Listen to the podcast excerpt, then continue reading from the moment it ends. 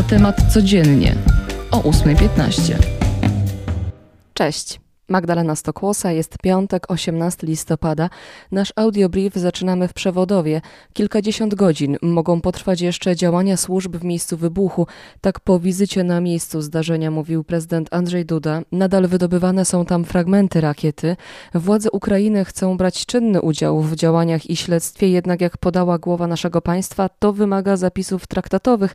Polskie władze muszą więc opierać się na prawie międzynarodowym. Wątpliwe jest więc, że takie informacje zostaną zostaną stronie ukraińskiej przekazane. Premier w niedzielę wybiera się do Helsinek. Ma się spotkać z premier Finlandii, Saną Marin. Rozmowa premierów dotyczyć będzie no oczywiście przede wszystkim współpracy, ale też bieżących, palących spraw kryzysu gospodarczego, energetycznego. Jak informuje kancelaria premiera, omówione zostaną też kwestie bezpieczeństwa, w szczególności związane z zagrożeniem ze strony Rosji.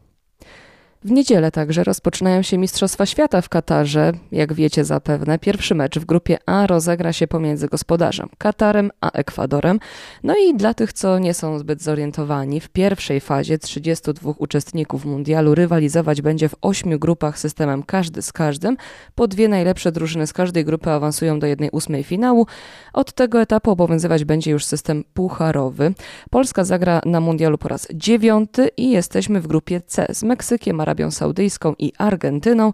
Nasz pierwszy mecz we wtorek, a mundial potrwa do 18 grudnia. A pozostając w świecie sportu, kolejna federacja update'uje przepisy. Organizatorzy wielkoszlemowego Wimbledonu poinformowali, że łagodzą obowiązek występowania w jednolicie białych strojach. Od przyszłego sezonu tenisistki będą mogły grać też w ciemnych spodenkach. Ma to zmniejszyć uczucie dyskomfortu podczas menstruacji. Taka mała rzecz by się wydawało, nie? A jak wiele może zmienić. Ostatnio podobne przepisy ustalił też Manchester City. Tam panie od przyszłego sezonu nie będą grały w białych spodenkach. Na tydzień przed Black Friday szaleństwo zakupowe już jest widoczne, ale też myślę, że już wszyscy żyją świętami powoli. E, chociaż nie ma co się oszukiwać, nasz Black Friday w porównaniu z tym do amerykańskiego, no to blado wypada. Za to trwają już nabory pracowników, których poszukuje już wiele firm, nie tylko tych kurierskich, ale też produkcyjnych. W tym roku można dostać około 30 zł na godzinę na rękę za pracę dorywczą. Pojawiają się też ogłoszenia dla Mikołajów, dla Śnieżynek, za pracę jako ulubieniec dzieci, jak podaje InfoJob można w tym roku zgarnąć nawet 200 zł brutto za godzinę. W miastach wojewódzkich, w mniejszych miejscowościach połowę tej stawki. Ze względu na inflację stawki wzrosły w tym roku o kilkadziesiąt złotych za godzinę.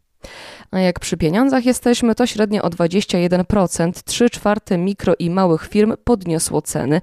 Tak wynika z badania zakupy firmowe prowadzonego dla NFG. Dodano w nim, że sprzedawcy skarżą się na spadek liczby zamówień i opóźnienie płatności przez kontrahentów, a najbardziej stratne są firmy handlowe. O poranku w wielu miejscowościach dziś śnieg, i oblodzone drogi i chodniki. Ostrzegają przed tym meteorolodzy.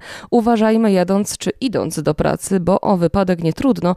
Ujemne temperatury w dzień utrzymają się do końca przyszłego tygodnia, szczególnie na południu. No i wygląda na to, że zima na dobre rozgościła się już u nas. A na zimowe wieczory dobry film to zawsze sprawdzona opcja, więc jak co piątek mam dla Was premiery. Dziś do kin wchodzi menu Czarna Komedia. To historia pary, która wybiera się z innymi gośćmi również na ekskluzywną kolację na wyspie.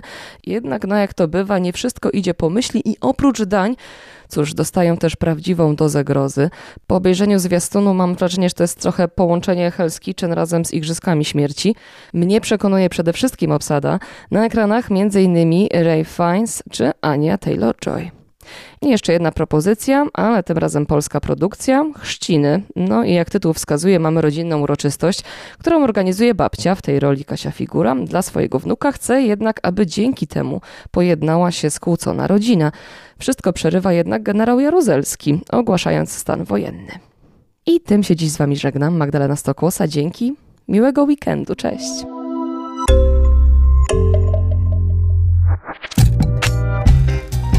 Na temat codziennie o 8.15.